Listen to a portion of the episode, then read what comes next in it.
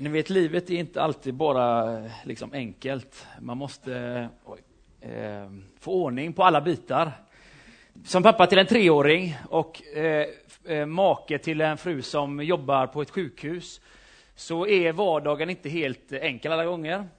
Eh, eh, min fru jobbar idag och då skulle jag fixa barnvakt och fick inte riktigt ihop det där sådär, men jag fick min snälla svärmor att ställa upp, så nu är min, min dotter borta i Taberg. Men då så kom jag på också igår kväll, jag ska ju predika då, eller det visste jag ju sedan länge och jag har förberett ganska så bra. Men när jag satt här så kände jag, nej det jag förberett var inte så jättebra. Så att jag skrev om lite grann här. Eh, men det är ju så, jag är en vanlig människa, du har ditt jobb, det här är mitt jobb, jag älskar mitt jobb. Eh, men eh, det är viktigt att liksom inte spela spelet tror jag. Att liksom, ja, men visa sig lite mer helig eller andlig eller, är liksom bättre än andra bara för att man har ett sånt här yrke. Utan jag är en vanlig människa. Så är det så att det går dåligt då, jag tror inte det, jag tror att det är en ganska bra predikan. Men om det skulle vara så, så är det, vi har ibland dåliga dagar på jobbet. Och jag säger inte detta för att liksom ni ska sänka era förväntningar och tänka efteråt, nej men han var ju jättebra, varför sa han att han var dålig? Inte alls, utan bara att det blir som det blir. Att lära känna Kristus, ärlighet och mörka källare det twittrade jag ut igår att min predikan skulle handla om, igår kväll sent. Och det håller jag fast vid. Att lära känna Kristus, Kristusbilden lyfter vi fram här idag, inte för bilden i sig själv, utan för att faktiskt lära känna Kristus. Hur lär man känna Kristus? Ärlighet och mörka källare. Ska vi be en bön innan jag börjar och tala? Jesus Kristus, vi vänder oss till dig just nu och du ser med vilka ryggsäckar vi har kommit hit. Du ser den som har tagit med sig den ryggsäcken in hit. Eller den som har lämnat den hemma. Oavsett egentligen vad vi har gjort med den där så ber vi att du ska tala till oss. Att vi ska kunna lära känna dig lite mer den här dagen. Välsigna alla som är i fjällstugan den här dagen. Restaurangen som förbereder för stora Mors-dagkalaset, för människor som lyssnar på det här i efterhand människor som skulle vilja vara här men inte är här. Oavsett Jesus så ber vi dig, kom och möt oss som vi är. I Jesu namn. Amen. Min farmor och farfar bodde i ett hus. De köpte det på mycket märkliga omständigheter, premisser, eh, 1950, om det var 58 eller 59. År 2000 så köpte min pappa det huset och eh, då rev vi det för det var en dålig grund. Och min pappa berättade för mig den där jobbiga känslan av att riva sitt barndomshem. När de kom dit med den här eh, slungan, eller de skulle riva ner det här då. Och så stod han där och så såg han liksom alla minnen på något sätt försvinna. Nu tio år senare så tror jag inte att han gråter så mycket, utan snarare så har han de här minnena i sig. Det där huset betydde väldigt mycket för mig också. Vi bodde under hela min uppväxttid, eller i alla fall från att jag var sex år till att jag började på högstadiet, bodde vi söder Göteborg. Och eh, det här huset var då beläget i västra Göteborg, i Fiskebäck. Och det var väl ungefär en kvart med bil till min farmor och farfar. Och när man kom till farmor och farfar, i det här huset byggt någon gång på 40-talet kanske, så möttes man av en stor dörr öppnade den så var det heltäckningsmatta i hela huset. Och de hade på den tiden eh, liksom såna här tapeter som också var någon form av heltäckningsmatta. Det var så här, ni vet, väv så va. Så man var liksom omgärdad av heltäckningsmatta när man kom in till farmor och farfar. Förutom i köket då, där var det plastmatta. Men i övriga huset var det heltäckningsmatta i hela det här huset. Man kom in i hallen, och så kom farmor, det var det första som hände. Hon gav henne en stor kram. Välkommen John och mina syskon då. Och så hade hon alltid gjort köttbullar och potatis. Eller pannkakor, för det var liksom favoriträtten. I alla fall när farmor fick, fick eh, stå vid köket. Och så kom man in i vardagsrummet. De hade ett vardagsrum med en tv-möbel. Alltså en tv och så hade man en sån, en sån här, eh, vad heter det? Inte draperi, men en sån skiva som man drog så. Så att möbeln skulle passa in liksom i vardagsrummet. Heltäckningsmatta såklart en eh, fin soffa, en hörnsoffa och sen innanför vardagsrummet så hade de ett finrum. Och det här finrummet gick man inte in i liksom varje dag, det förstod man utan där var det när det var fina gäster, det var på högtider och där stod eh, fina porslinssaker. Och det var liksom inte så att man inte fick gå in där. Det var inte så att, nej du får inte gå in där, men man märkte det för de själva var aldrig där. Det var liksom finrummet. Det visade de upp när fina människor, eller kära vänner kom på besök. Och så minns jag att jag och min kusin, vi är lika gamla, vi kanske var i 8-9 års åldern, eh, skulle gå på upptäcktsfärd. För ni vet, när man var så lite yngre så var ju ett hus, ett stort hus, det var ju liksom, fanns ju massa vrår och, och olika skrymslen och sådär. Så vi, vi tänkte vi ska gå ner till källaren. Vi visste att det var rätt så mörkt där nere. Vi hade bara varit där med farfar någon gång sådär. Men vi sa, nej men vi går ner du och jag och upptäcker källaren. Så vi öppnade den här dörren, det var en, en spiraltrappa ner utan räcke. Så jag vet farfar hade sagt att när ni går den trappan så måste ni hålla er till mitten. Och så gick man ner för den och jag minns att det faktiskt var heltäckningsbitar liksom, bitar på de här trappstegen också. Så gick man ner där i den här kalla källaren och så det första man möttes av, det var en, en dörr ut så man kunde komma in den grovingången och så var det en, en, eh, en, en, en tvättstuga med kalla klink, eh, kallt klinkerskolv. Och så gick man över det och så kom man in i ett annat rum.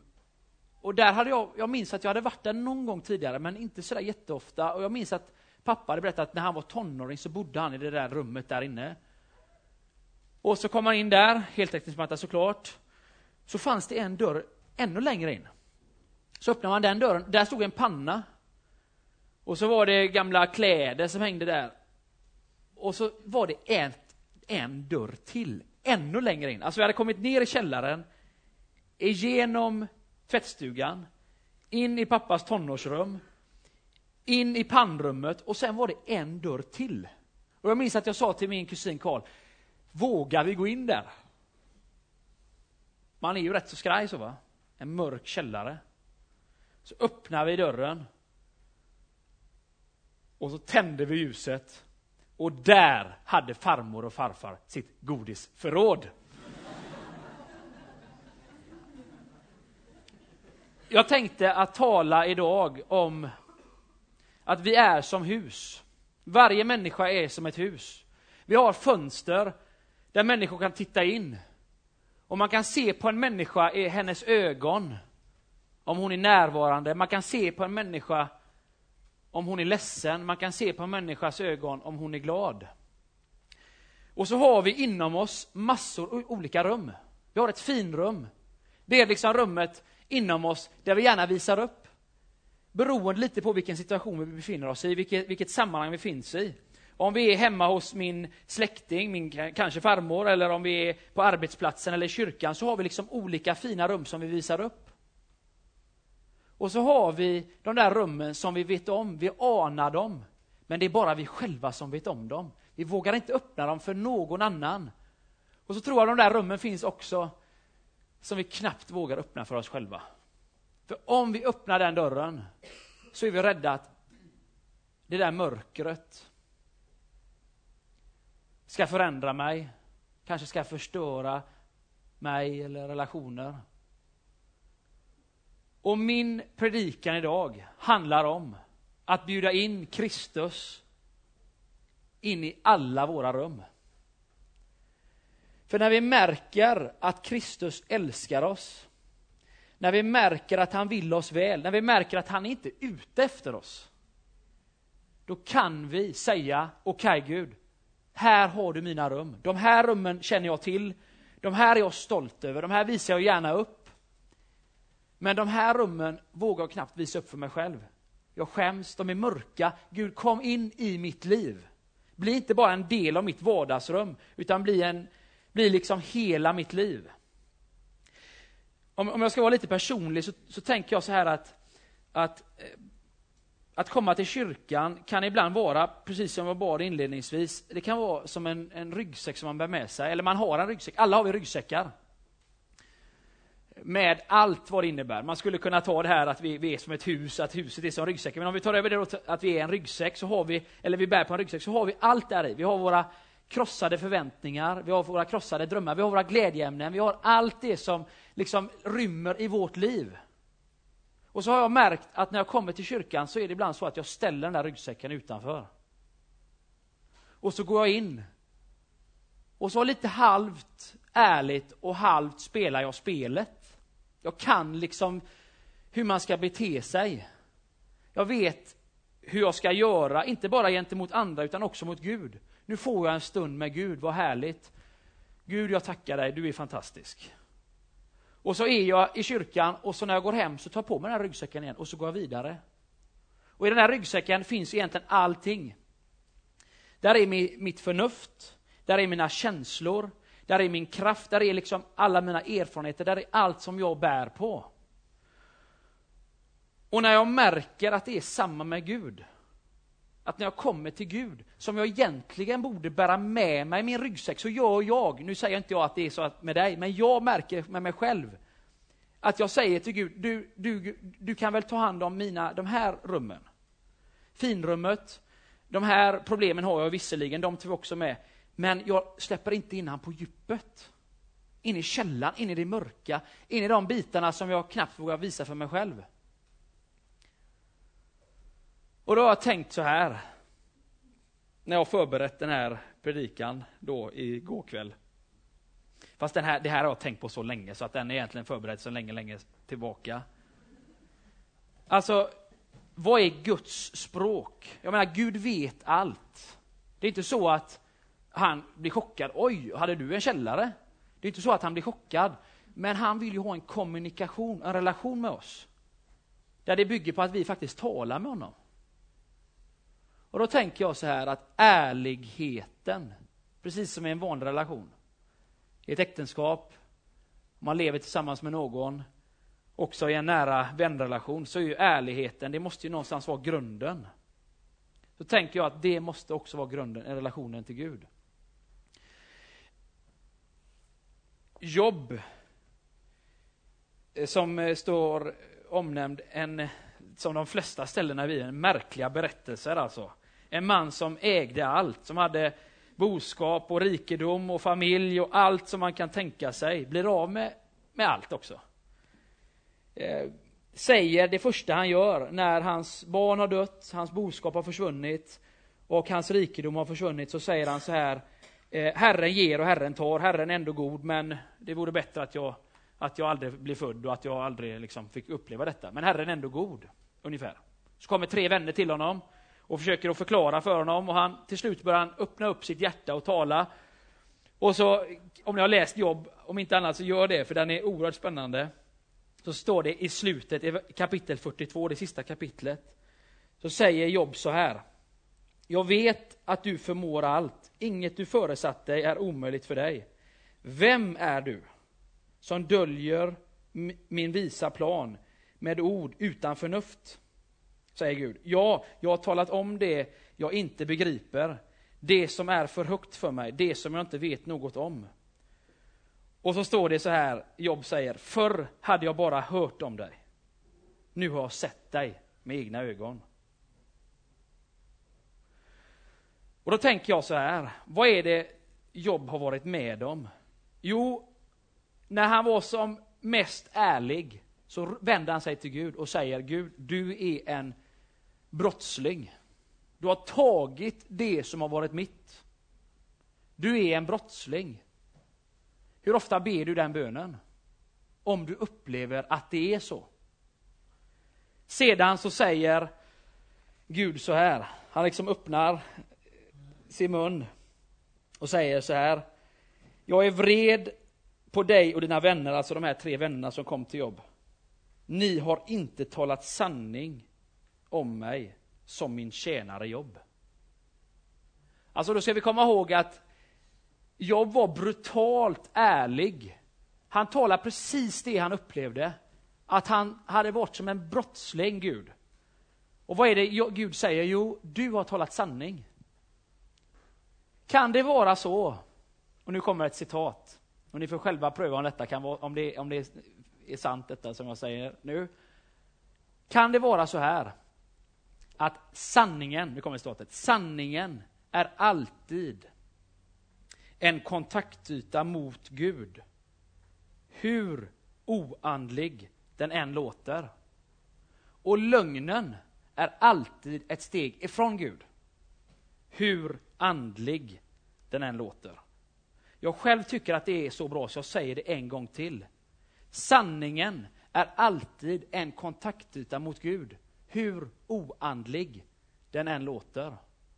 Och lögnen är alltid ett steg ifrån Gud, hur andlig den än låter. Alltså det verkar som att Guds språk är ärlighet. Och om vi bjuder in honom i vårt liv, då är ju det ganska så ärligt. Eje, jag har ju frågat dig här väldigt spontant. Skulle du kunna spela en kort strof på en känd psalm?